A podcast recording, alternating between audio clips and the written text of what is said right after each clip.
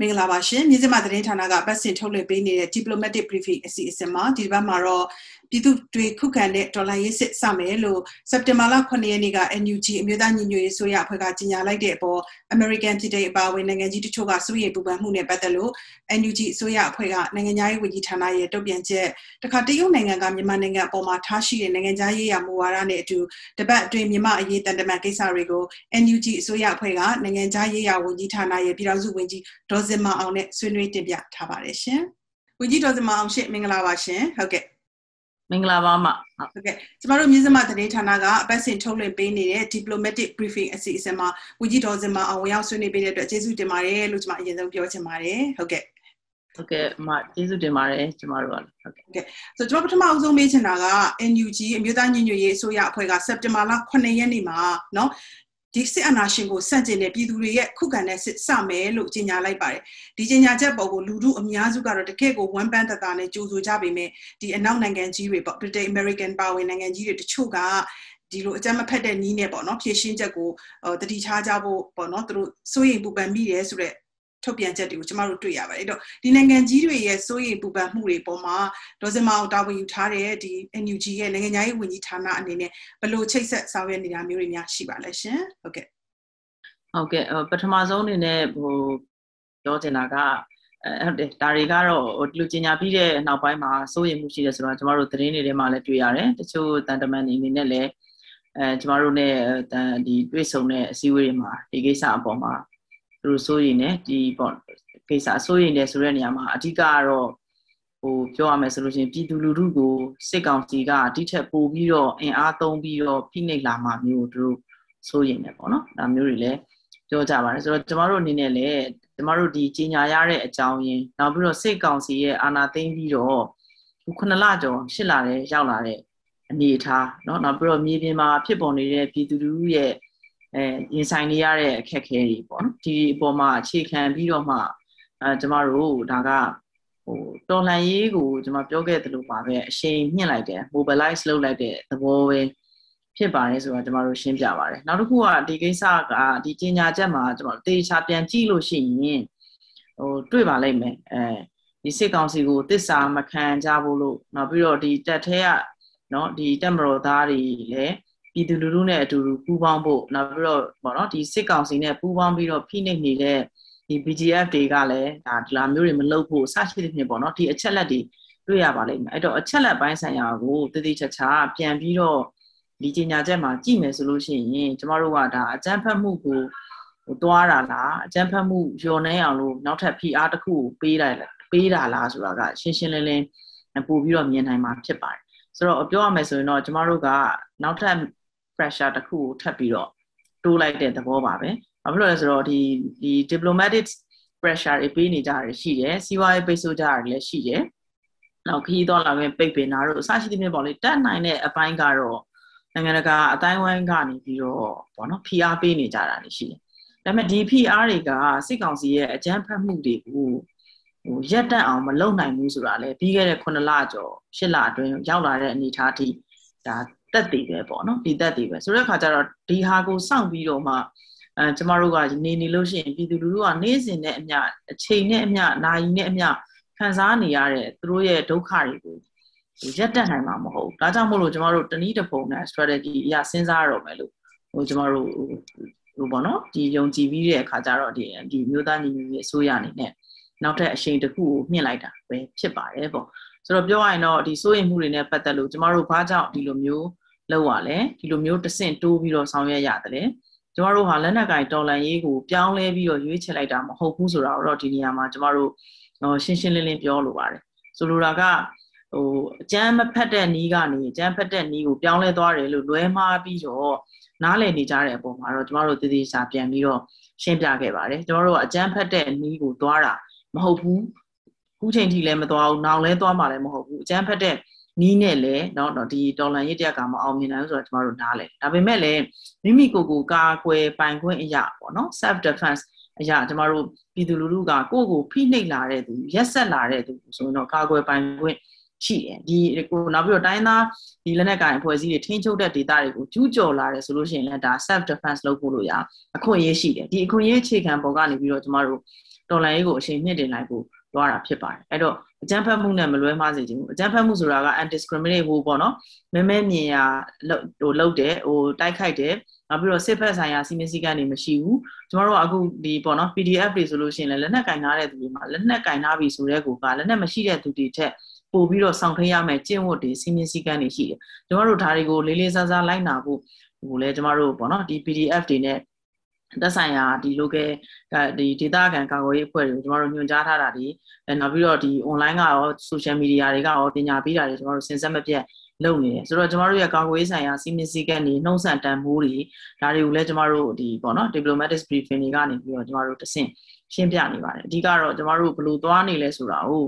ဟိုပေါ့နော်ဒီထက်ပိုပြီးတော့ထိထိရောက်ရောက် ဟိုရှင်းပြနိုင်မှုကျမတို့စူးစမ်းနေပါတယ်။နောက်ပြီးတဲ့အခါကျဒီကိစ္စနဲ့ပတ်သက်လို့လည်းဒီရက်ပိုင်းအတွင်းမှာပဲ press release တခုထုတ်ပြန်မှုလည်းကျမတို့ပြင်ဆင်နေပါတယ်လို့ပြောချင်ပါတယ်။ဟုတ်ကဲ့ဆိုတော့ဒီလိုအခြေအနေမျိုးတွေကြောင့်ဟာဒီလိုစိုးရိမ်မှုတွေထွက်လာတယ်ဒါပေမဲ့ကိုကတော့ခုနကပြောသလိုပေါ့နော်ဒီစစ်တင်ညာရဲဆိုတာတဲ့ဒါလူတူကကိုကိုကိုခုခံပ ပိုင်ခွင့်ရှိရဲဆိုပြီးတော့เนาะ NUG ကတော့ဒီမိုကွာရပေါ့ဒီ policy ကိုချလိုက်တာပါဆိုတော့ဒါပေမဲ့ဒီလိုမျိုးအခြေအနေတွေပေါ်မှာစိုးရိမ်လာတယ်ဆိုတော့ဥပမာဒီ NUG အစိုးရကိုနိုင်ငံတကာကအတိအမှတ်ပြုရေးကိစ္စကတော့ဟလာအခုဒီ September 14ရက်ရှေ့တစ်ပတ်ဆိုရင်ပဲဒါကုလသမဂ္ဂအထွေထွေနီလာခံမှာဒီဥကြုံမိုးထုံးကိုပေါ့ဆက်ပြီးတော့ခံထားရေးတို့ NUG အတိအမှတ်ပြုရေးတို့နောက်တစ်ခါဒီ American ညီမအရေးကိုအစင်တစိုက်အားပေးခဲ့တဲ့ American ပြည်တဲ့နိုင်ငံတွေနဲ့ဆက်ဆံရေးတွေမှာတွားပြီးတော့ထိခိုက်နိုင်စရာရှိတယ်အဲ့ဒါဒါတွေကစဉ်းစားလာနိုင်စရာရှိတယ်ဆိုတော့အမြင်နဲ့သုံးသက် ်ချက်တွေလည်းရှိပါတယ်ဒေါ်စင်မအောင်ဘယ်လိုသုံးသပ်ပါလဲရှင်ဟုတ်ကဲ့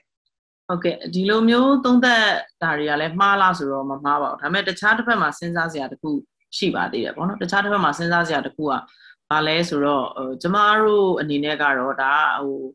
ဟိုပြောရမယ်ဆိုလို့ရှိရင် risk ယူရတယ်လို့ကျမတို့နားလဲဒါပေမဲ့တစ်ဖက်ကလည်းဒီလိုမျိုးမှမလုပ်ရင်ကျမတို့ဘယ်လိုလုပ်မလဲတခြား alternative အဲကျမတို့ပေးမထားဘူးပေါ့နော်တေချက်ကနောက်ဒုတိယတစ်ချက်ကဟုတ်ပြီအကယ်၍များဒီလိုမျိုးကြီးညာလို့မလို့မှာဒီနိုင်ငံတကာရဲ့မျက်နှာစာမှာကျမတို့ရဲ့တန်ခင်းတမန်ခင်းဆက်ဆံရေးတွေတန်ခင်းတမန်ခင်း space တွေနေရာလွတ်တွေစကားပြောနိုင်မဲ့အခွင့်အရေးတွေကိုပို့ပြီးတော့ပိတ်လိုက်လို့ရှိရင်ငကိုရမှာပြည်တွင်းမှာကပေါ့နော်ဒီနိုင်ငံရေးဘောင်ကျင်းပြီးတော့စစ်ဘောင်ကိုချဲ့လာနေတာဒီစစ်ကောင်စီက ဆိုတော့အဲ့လိုဆိုလို့ရှိရင်ကျမတို့ကိုယ်တိုင်ကိုယ်ကိုပါရွေးချယ်စရာမရှိအောင်တဖြည်းဖြည်းနဲ့ပေါ့နော်ဟိုတန်ခင်းတမန်ခင်းနိုင်ငံရေးအခင်းချင်းကနေပြီးတော့ပေါ့နော်ဒီအခင်းချင်းကဟိုကျင်းမြောင်းလာလေလေစစ်ဘောင်ကကျဲလာလေလေဖြစ်ပါပဲဆိုတဲ့အခါကျတော့ဒီနိုင်ငံတကာအနေနဲ့လည်းကျမတို့ပြောချင်တာကဒီလိုမျိုးမလို့မှအာဒီဒီဒီပေါ့နော်ဒီ NUG ရဲ့ဒီလိုကြီးညာလိုက်တဲ့အတွက်ကြောင့်မို့လို့မှတန်ကင်းတမန်ကင်းရပဲဖြစ်ဖြစ်ဆက်သွယ်ဆောင်ရွက်မှုပိုင်းတွေမှာရော့ချလိုက်မယ်ဆိုလို့ရှိရင်ဒါကသူတို့လိုချင်နေတဲ့ အကြမ်းဖက်မှုတွေဒါမှမဟုတ်လို့ရှိရင်လည်းလူသားချင်းစာနာထောက်ထားမှုဆိုင်ရာအခက်အခဲအကျက်တဲတွေအဲဒါတွေကို short ချနိုင်မလားဆိုတော့တေချာပြန်စဉ်းစားဖို့လို့လိုပါတယ်ပေါ့နော်အဲ့ဒီလိုလုပ်လိုက်ရင်ခုထပ်ပို့ပြီးတော့စိုးရွားတဲ့ပေါ့နော်ဒီဘလိုလားအပ်တဲ့အကြက်တဲမျိုးတွေအကြက်တဲမျိုးတွေပေါ့နော်လူသားချင်းစာနာမှုဆိုင်ရာအကြက်တဲမှုမျိုးတွေနောက်စစ်ဖက်ဆိုင်ရာပေါင်းတွေပို့ပြီးတော့ကျေလာမှာဖြစ်တယ်ပေါ့နော်ဆိုတော့ဒီဟာကိုလည်းကျမတို့တွေးဆုံတဲ့အခါတွေမှာရှင်းပြပြောဆိုပါတယ်တကယ်တကယ်ကျတော့စစ်အာဏာသိမ်းလိုက်ကလေးကဗမာပြည်မှာ နော်ဒီနိုင်ငံရေးအတွက် space ကနည်းသွားပါပြီအဲကျမတို့အဲ့တော့ diplomatic နီးအရဆိုလို့ရှိရင်လည်းဒီဘောင်ကိုထပ်ပြီးတော့ဒီထက်ပိုပြီးတော့ကျင်းအောင်တော့မလုပ်သင့်တော့ဘူးအဲ့တော့ပြောရလို့ရှိရင်ဒီတန်ခင်းတမန်ခင်းအရာလမ်းကြောင်းနဲ့စူးစမ်းနေတဲ့အနေထားတွေကိုအကန့်အသတ်တွေဖြစ်အောင်ခရီးမရောက်အောင်ပေါ့နော်ဒီဘယ်လိုပြောလဲညင်းဆန်နေတယ်ဟိုအချိန်ကြာအောင်ဆွဲဆန့်နေတာကစစ်ကောင်စီကလုပ်နေတာဖြစ်တယ်ကျွန်မဥပမာတစ်ခုပေးမယ်ဆိုရင်ဥပမာအာဆီယံ special envoy ကိစ္စအာဆီယံထိပ်သီးကိုပေးတက်တယ်ပေးတက်ပြီးတော့ လာဒီအာဆီယံနီးနဲ့သွားမယ်ဆိုပြီးတော့ဖြည့်ရှင်းဖို့လို့စ조사တယ်ဒါကိုကျွန်တော်တို့ appreciate လုပ်ပါတယ်သို့တော်လည်းပဲဒီစ조사အထောက်မှုတွေကစစ်ကောင်စီရဲ့အမှုအကျင့်တွေကိုပြောင်းလဲလာအောင်မလုပ်နိုင်ဘူးပေါ့နော်လေးလကျော်မှအာဟိုဒီဒီဒီ ASEAN Special Envoy ကိုခန့်ရတယ်အခုလည်း Special Envoy ရဲ့တရားဝင်ခရီးစဉ်ကိုတွားဖို့လို့ guarantee မပေးနိုင်သေးဘူးဘာလို့လဲဆိုတဲ့ခါကျတော့ဒီဒီ5 point consensus မှာပါတဲ့ကိစ္စတွေကိုတာဝန်ရှိတဲ့အကောင့်တွေပေါ်ရမယ့်သူဟာ နော်ဒီဒီစစ်ကောင်စီပဲဖြစ်တယ်ပေါ့နော်။ဘာလို့ဆိုတော့သူတို့သဘောတူခဲ့တာ။အိုးသူတို့သဘောတူခဲ့တာဖြစ်တဲ့အတွက်သူတို့မှာတာဝန်ရှိတယ်ဒါကိုလိုက်ပါဆောင်ရွက်ဖို့လို့ကိုကိုယ်တိုင်သဘောတူညီခဲ့တဲ့သဘောတူညီချက်ကိုအဲ့တော့ဒီကိစ္စကိုလိုက်ပါဆောင်ရွက်ဖို့တော့မှအခုလေးလကြော်ကြာခဲ့ပြီအခုမှ special envoy ခန့်နိုင်တယ်အော်ခန့်ပြီးတော့လေ special envoy ရဲ့တရားဝင် visit ပေါ့နော်ဒီဟာကိုမလုပ်နိုင်သေးဘူးအာမခံချက်မပေးနိုင်သေးဘူးဘာဖြစ်လို့လဲဆိုတော့ဒီ5 point consensus မှာပါတဲ့အချက်တွေကိုအခုချိန်ထိစစ်ကောင်စီကလိုက်လျောမယ်ဆိုတဲ့ဟာမျိုးကိုသူတို့မီးစိမ့်မပြသေးတဲ့အတွက်ကြောင့်ဒီခီးစဉ်ကအခုချိန်ထိဖြစ်မလာသေးဘူးပေါ့နော်ဒါကြောင့်မို့လို့စ조사အထုတ်မှုတွေကိုကျမတို့အသိမှတ်ပြုတယ်နိုင်ငံတကာကလည်းသူနိုင်တဲ့လောက်တော့ဟလာစူးစမ်းနေတယ်တစုတည်းတစ်ဖွဲ့တည်းနိုင်ငံနဲ့တယောက်တည်းလောက်ရတာမဟုတ်တဲ့အတွက်ကြောင့်မလို့ခက်ခဲတွေရှိတယ်ဆိုတာလည်းမှန်တယ်သို့တော်လည်းပဲ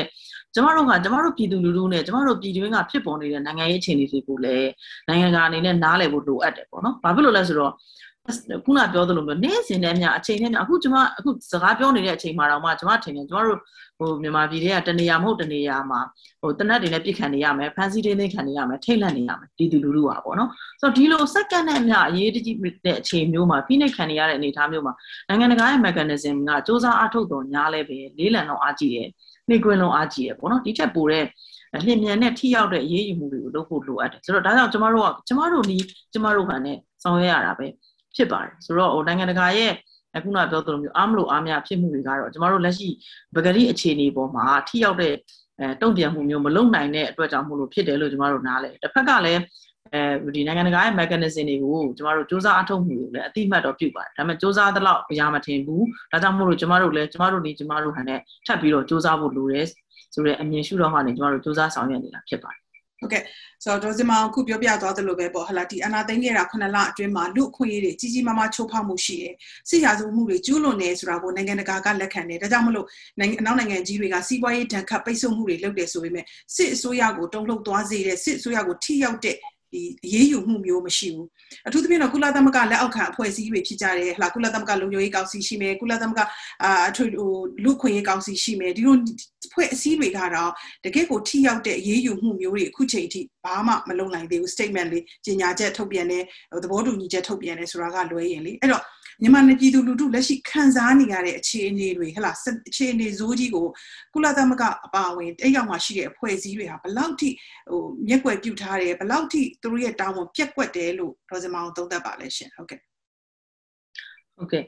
အဓိကတော့ဟို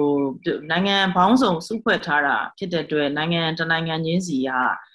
စန်တန်ဘိုးတွေနိုင်ငံရေးစနစ်တွေနောက်ပြီးတော့ပထဝီအနေအထားတွေ မတူညီကြဘူးပေါ့လေနော်ဒီမတူညီကြတဲ့အဖွဲ့အစည်းတွေတဲမှာကျမတို့က common ground ကိုရှာကြရတာဖြစ်တယ်ပေါ့နော်ဆိုတဲ့အခါကျတော့ဒီအပေါ်မှာကျမတို့ကအများကြီးတော့ကိုးစားလို့မရအောင်အထူးအဖြင့်ကျမတို့မြန်မာနိုင်ငံရဲ့အတွေ့အကြုံများပေါ့နော်88ကလေးကအများကြီးကြုံခဲ့ဘူးပါတယ်မြန်မာပြည်မှာ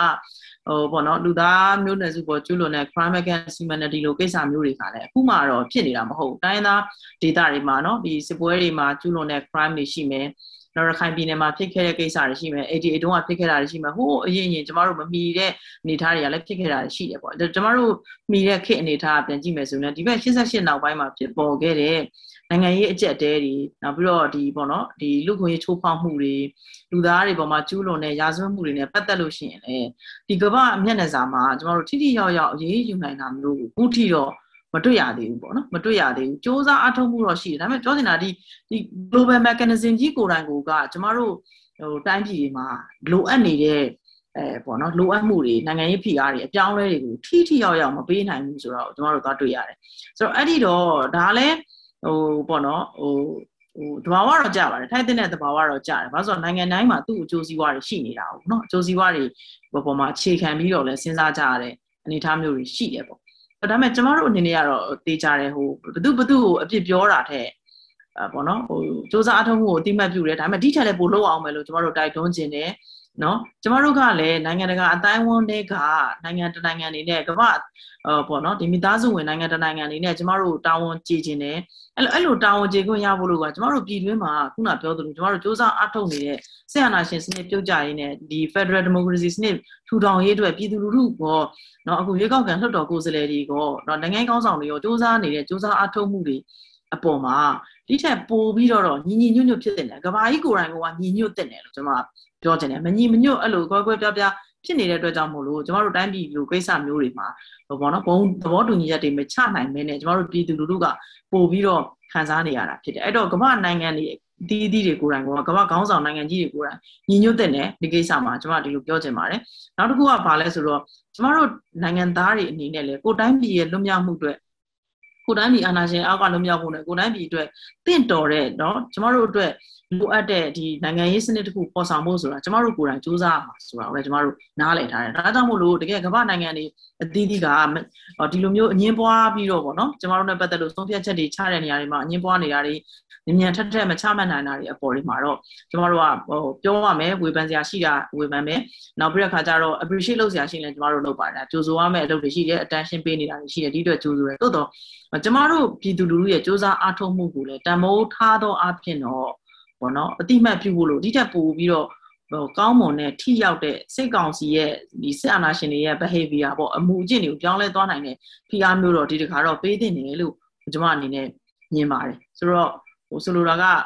ဟိုပေါ့နော်ကျွန်တော်တို့တွေစူးစမ်းအထောက်နေတာကိုကဘာကအတိမတ်ပြုတ်ပေးပါကျွန်တော်တို့ပြည်သူလူထုနဲ့အတူတူရက်တည်ပေးပါဒီအတန်တွေကို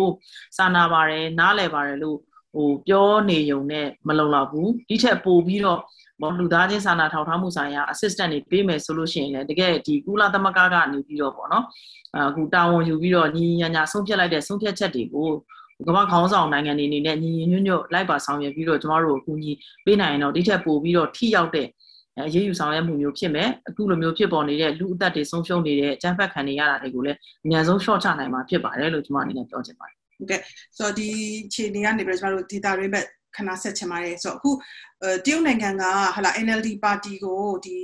ဟိုဖြတ်သိမ်းဖို့ပေါ့နော်ဒီစစ်ကောင်စီရဲ့ကြိုးပမ်းချက်ကိုသူတို့အနေနဲ့လက်မခံဘူးဆိုရင်သူတို့သဘောထားကိုထုတ်ပြီးတော့ပြောထားတာရှိတယ်။ဆိုပြီးခဲ့တဲ့ရက်ပိုင်းတွင်းကပဲအရှိတောင်အာရှတောင်အာရှပါတီနိုင်ငံနိုင်ငံရေးပါတီရဲ့ဆွေးနွေးပွဲတွေမှာတရုတ်ကဥဆောင်လုပ်တဲ့ဆွေးနွေးပွဲမှာဒီမြန်မာ NLD ကကိုယ်စားလှယ်တွေကိုဖိတ်လိုက်တယ်ကိုယ်စားလှယ်တချို့လည်းနော် NLD ပါတီကိုစားပြုပြီးတော့တက်သွားတာရှိရတယ်။အဲ့တော့တရုတ်ရဲ့မူဝါဒနဲ့ပတ်သက်ပြီးတော့ ဒေါ်စင်မအောင်မေးချင်ပါတယ်ရှင့်ဒီတရုတ်ရဲ့ခုမြန်မာနိုင်ငံပေါ်မှာထားတဲ့မူဝါဒခု NLD ကိုဆက်ဆံပြနေရတွေဟလာစစ်ကောင်စီဘက်ကိုဒီလိုပြောနေရတွေဒါပေမဲ့စစ်ကောင်စီနဲ့လည်းစီးပွားရေးဆက်ပြီးတော့လုပ်နေတာတွေသူတို့ရဲ့အကျိုးစီးပွားကိုထိခိုက်မှာဆိုတဲ့အတွက်အခုတရုတ်နိုင်ငံကချမှတ်ထားတဲ့တရုတ်နိုင်ငံကဆက်ဆံနေတဲ့မူဝါဒတွေဟာမြန်မာနိုင်ငံဒီမိုကရေစီပြန်လည်ရှင်သန်ရေးအတွက်တကယ့်ကိုဟိုစိတ်ချရတဲ့မူဝါဒတစ်ခုဖြစ်မလားဒေါ်စင်မအောင်ဘယ်လိုသုံးသပ်ပါလဲရှင်ဟုတ်ကဲ့ဟုတ်ကဲ့ကျေးဇူးပါအမ အာတကယ်တော့ဟိုနိုင်ငံတွေရဲ့နိုင်ငံခြားရေးမူဝါဒတွေကအဲမျိုးသားကြိုးစည်းဝါပေါ်မှာပဲအခြေခံကြတယ်လို့ဘယ်နိုင်ငံမဆိုပါဒါကဒါကလက်ရှိရှိတရားပါပဲဆိုတော့ဒါကိုကျမတို့ကောင်းကောင်းနားလဲပါတယ်ကျမတို့လည်းဒီတိုင်းပါပဲဆိုတော့ကျမတို့ရဲ့အဲတိုင်းပြည်ရဲ့အကျိုးစီးပွားမျိုးသားအကျိုးစီးပွားဘာဖြစ်မလဲဒီမိုကရေစီနဲ့ဖက်ဒရယ်ပြည်အောင်စုထူထောင်ရေးအတွက်ဖြစ်မယ်ပေါ့နော်ထို့တူပဲကျမတို့ဒီအိန္ဒိယချင်းနိုင်ငံကြီးတစ်ခုဖြစ်တဲ့တရုတ်ရဲ့အကျိုးစီးပွားဘာဖြစ်မလဲဆိုသူကတည်ငြိမ်မှုကိုလိုချင်တယ် ပြောရမယ်ဒေတာတွင်းတည်ငြိမ်မှုကိုလိုချင်တယ်ပေါ့အဲ့တော့ဒီတည်ငြိမ်မှုကိုမထိခိုက်တဲ့ဆက်သွယ်ဆောင်ရွက်မှုမျိုးကိုပဲသူဆောင်ရွက်နေတယ်လို့ကျမတို့အနေနဲ့ဒီလိုနားလဲပါဒါသူ့အမျိုးသားအကျိုးစီးပွားဘက်ကကျင်တော့သူမှန်တယ်လို့ပြောရမှာပေါ့လေအဲ့တော့ဒီအပေါ်မှာကျမတို့ကဟိုပြောရမယ်ဆိုဘာမှဟိုအပြစ်ပြောစရာတော့မလိုတိုးတော်လည်းပဲကျမတို့သွားနေတဲ့အမျိုးသားညီညွတ်ရေးအစိုးရသွားနေတဲ့အနေအထားမြန်မာပြည်သူလူထုကြုံတွေ့ခံစားနေရတဲ့အခြေအနေဒါတွေကိုရောင်ပြန်ဟပ်ပြီးတဲ့ တော့ပေါ့နော်ဒီအနီနာချင်းတရုတ်နိုင်ငံအပေါ်မှာလည်းကျမတို့သတင်းစကား message တွေပေးနေတာတွေရှိတယ်ဒါကဘာလဲဆိုတော့ခုနတရုတ်ရဲ့အဲအကျိုးစီးပွားဖြစ်တဲ့တည်ငြိမ်မှုပေါ့နော်မြန်မာပြည်ရေရှည်တည်ငြိမ်မှသာလျှင်ဒါဒီအနီနာချင်းနိုင်ငံမှာခုနရင်းနှီးမြှုပ်နှံမှုတွေစီးပွားရေးပဲလုပ်လို့ဘာပဲလုပ်လို့ပေါ့နော်တည်ငြိမ်မှုမရှိရင်မလုပ်နိုင်ဘူးစီးပွားရေးကိုရင်းနှီးမြှုပ်နှံမှုတွေမလုပ်နိုင်ဘူးဖွံ့ဖြိုးမှုတွေဖြစ်လာမှာမဟုတ်ဘူးဆိုတော့အခြေခံအထိုင်ပေါ်ကနေပြီးတော့စဉ်းစားပြီးတော့ဒါ balance လုပ်ပြီးတော့အဲဆက်ဆံဆောင်ရွက်နေတာလို့ကျွန်တော်တို့ဒီလိုပဲနားလည်ပါတယ် ဆိုတော့အဲ့ဒီမှာကျမတို့ပြောချင်တာကပေါ့လေဒီရေရှည်တည်ငြိမ်ဖို့ပေါ့နော်ဒီဒီဒီကြာရှည်ခံတဲ့တည်ငြိမ်မှု sustainable အဲဒီ peace ပေါ့ငြိမ်းချမ်းရေးနဲ့เนาะဖွံ့ဖြိုးရေးကိုရနိုင်မှုဆိုလို့ရှိရင်မြန်မာပြည်မှာစစ်အာဏာရှင်တွေအုပ်ဆိုးနေတယ်များဘယ်တော့မှမတည်ငြိမ်ခဲ့ဘူးအခုပြန်ကြည့်လဲခဏပဲနှစ်ပိုင်းလေးပဲခဏလေးပဲပေါ့နော်တည်ငြိမ်တရားဖြစ်တယ်ပြီးရင်ပြန်ဖြစ်မှာပဲပေါ့နော်ဆိုတော့ဟိုကျမတို့ပေးခြင်းတဲ့သတင်းစကားကတော့မြန်မာပြည်မှာစစ်မှန်တဲ့ဒီမိုကရေစီနဲ့ ဖက်ဒရယ်စနစ်ကိုမထူထောင်နိုင်မချင်းဘယ်တော့မှတည်ငြိမ်မှာမဟုတ်ဘယ်တော့မှတည်ငြိမ်မှုရမှာမဟုတ်အဲ့တော့အဲ့ဒီလိုတည်ငြိမ်မှုမရဘူးဆိုရင်ကျမတို့အနီးနားချင်းဖြစ်တယ်တရုတ်ပြည်ရဲ့အကျိုးစီးပွားတွေကလည်းတည်ငြိမ်မှာမဟုတ်ဘူးရင်းနှီးမြှုပ်နှံမှုတွေကလည်းတည်ငြိမ်မှာမဟုတ်နိုင်မှာမဟုတ်ဘူးပေါ့နော်ဆိုတော့ဒါကတော့အဲတရုတ်ရဲ့နိုင်ငံခြားရေးမူဝါဒဖြစ်တဲ့ဒီ Belt and Road Initiative ဆိုတဲ့ကိစ္စတွေသူရဲ့အဓိကပထမဦးစားပေးတွေပေါ့နော်ဒီကိစ္စတွေမှာလည်းအခက်အခဲတွေအနှောက်အယှက်တွေအများကြီးဖြစ်လာနိုင်တယ်အဲ့တော့မြန်မာပြည်ရဲ့တည်ငြိမ်မှုကိုစ조사တဲ့အခါမှာရေတိုပေါ့လေနော် စင်းမိတို့လည်းမကုပဲနဲ့တကယ်ရေရှည် sustain ဖြစ်တဲ့အဖြေမျိုးကိုရအောင်ထုတ်ချင်တယ်ဆိုလို့ရှိရင်တော့မြန်မာပြည်ကပြည်သူလူထုရဲ့သ သဘောထားတွေနဲ့အညီเนาะပြည်သူလူထုရဲ့သဘောဆန္ဒနဲ့အညီ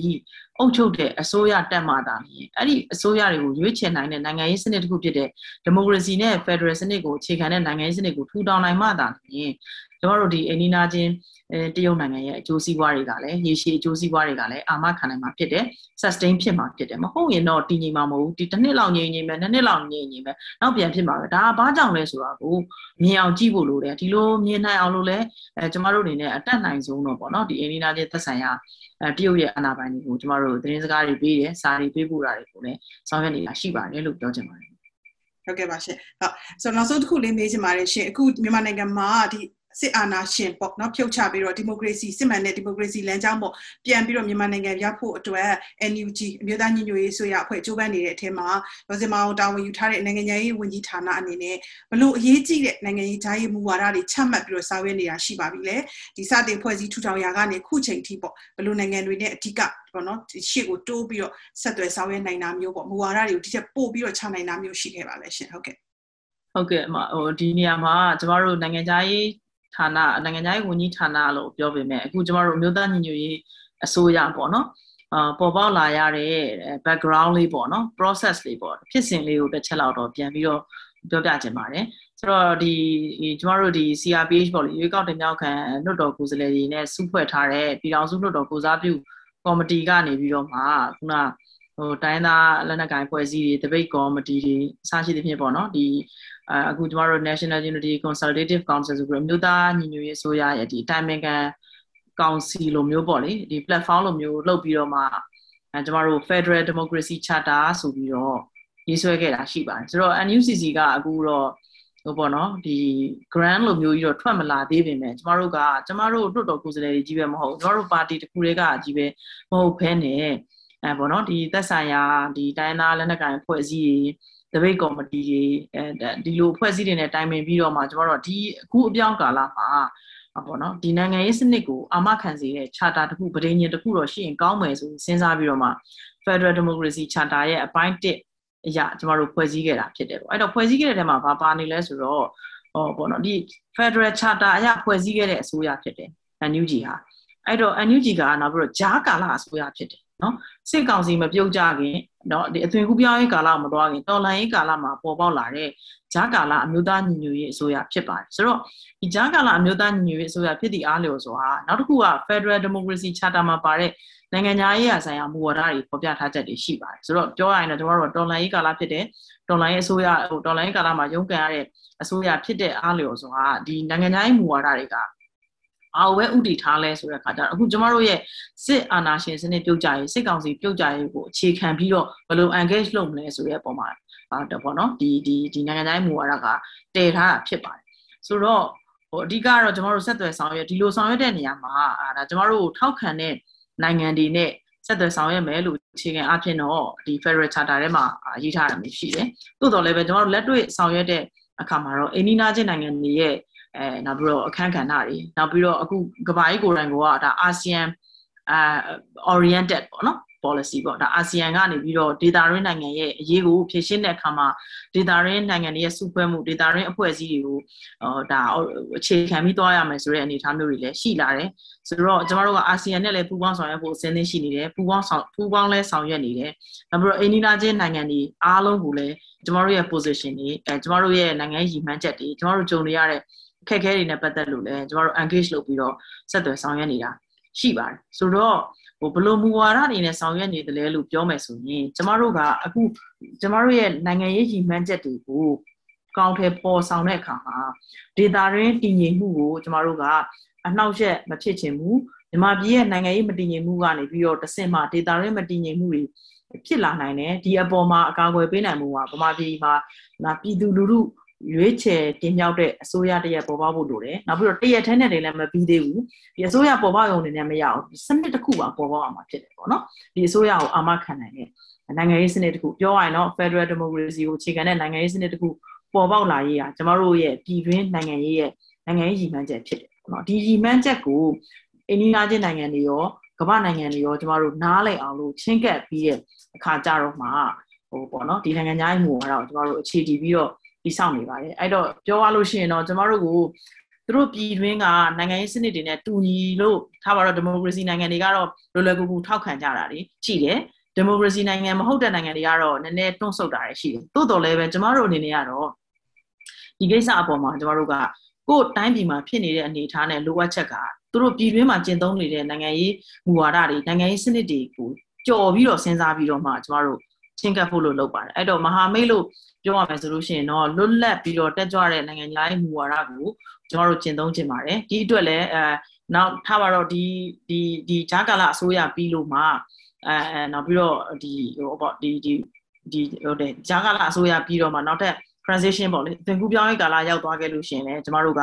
မြန်မာမြန်မာနိုင်ငံရဲ့နိုင်ငံခြားရေးမူဝါဒကဘယ်လိုဖြစ်တင်လဲဆိုတာမျိုးတွေကိုကျမတို့ blueprint blueprint ပေါ့နော်ထားနိုင်အောင်လို့မို့လို့ကျမတို့စူးစမ်းနေတယ်တပြိုင်တည်းထဲမှာလည်းဒီနိုင်ငံခြားရေးမူဝါဒတွေကို develop လုပ် develop လုပ်ပြီးတော့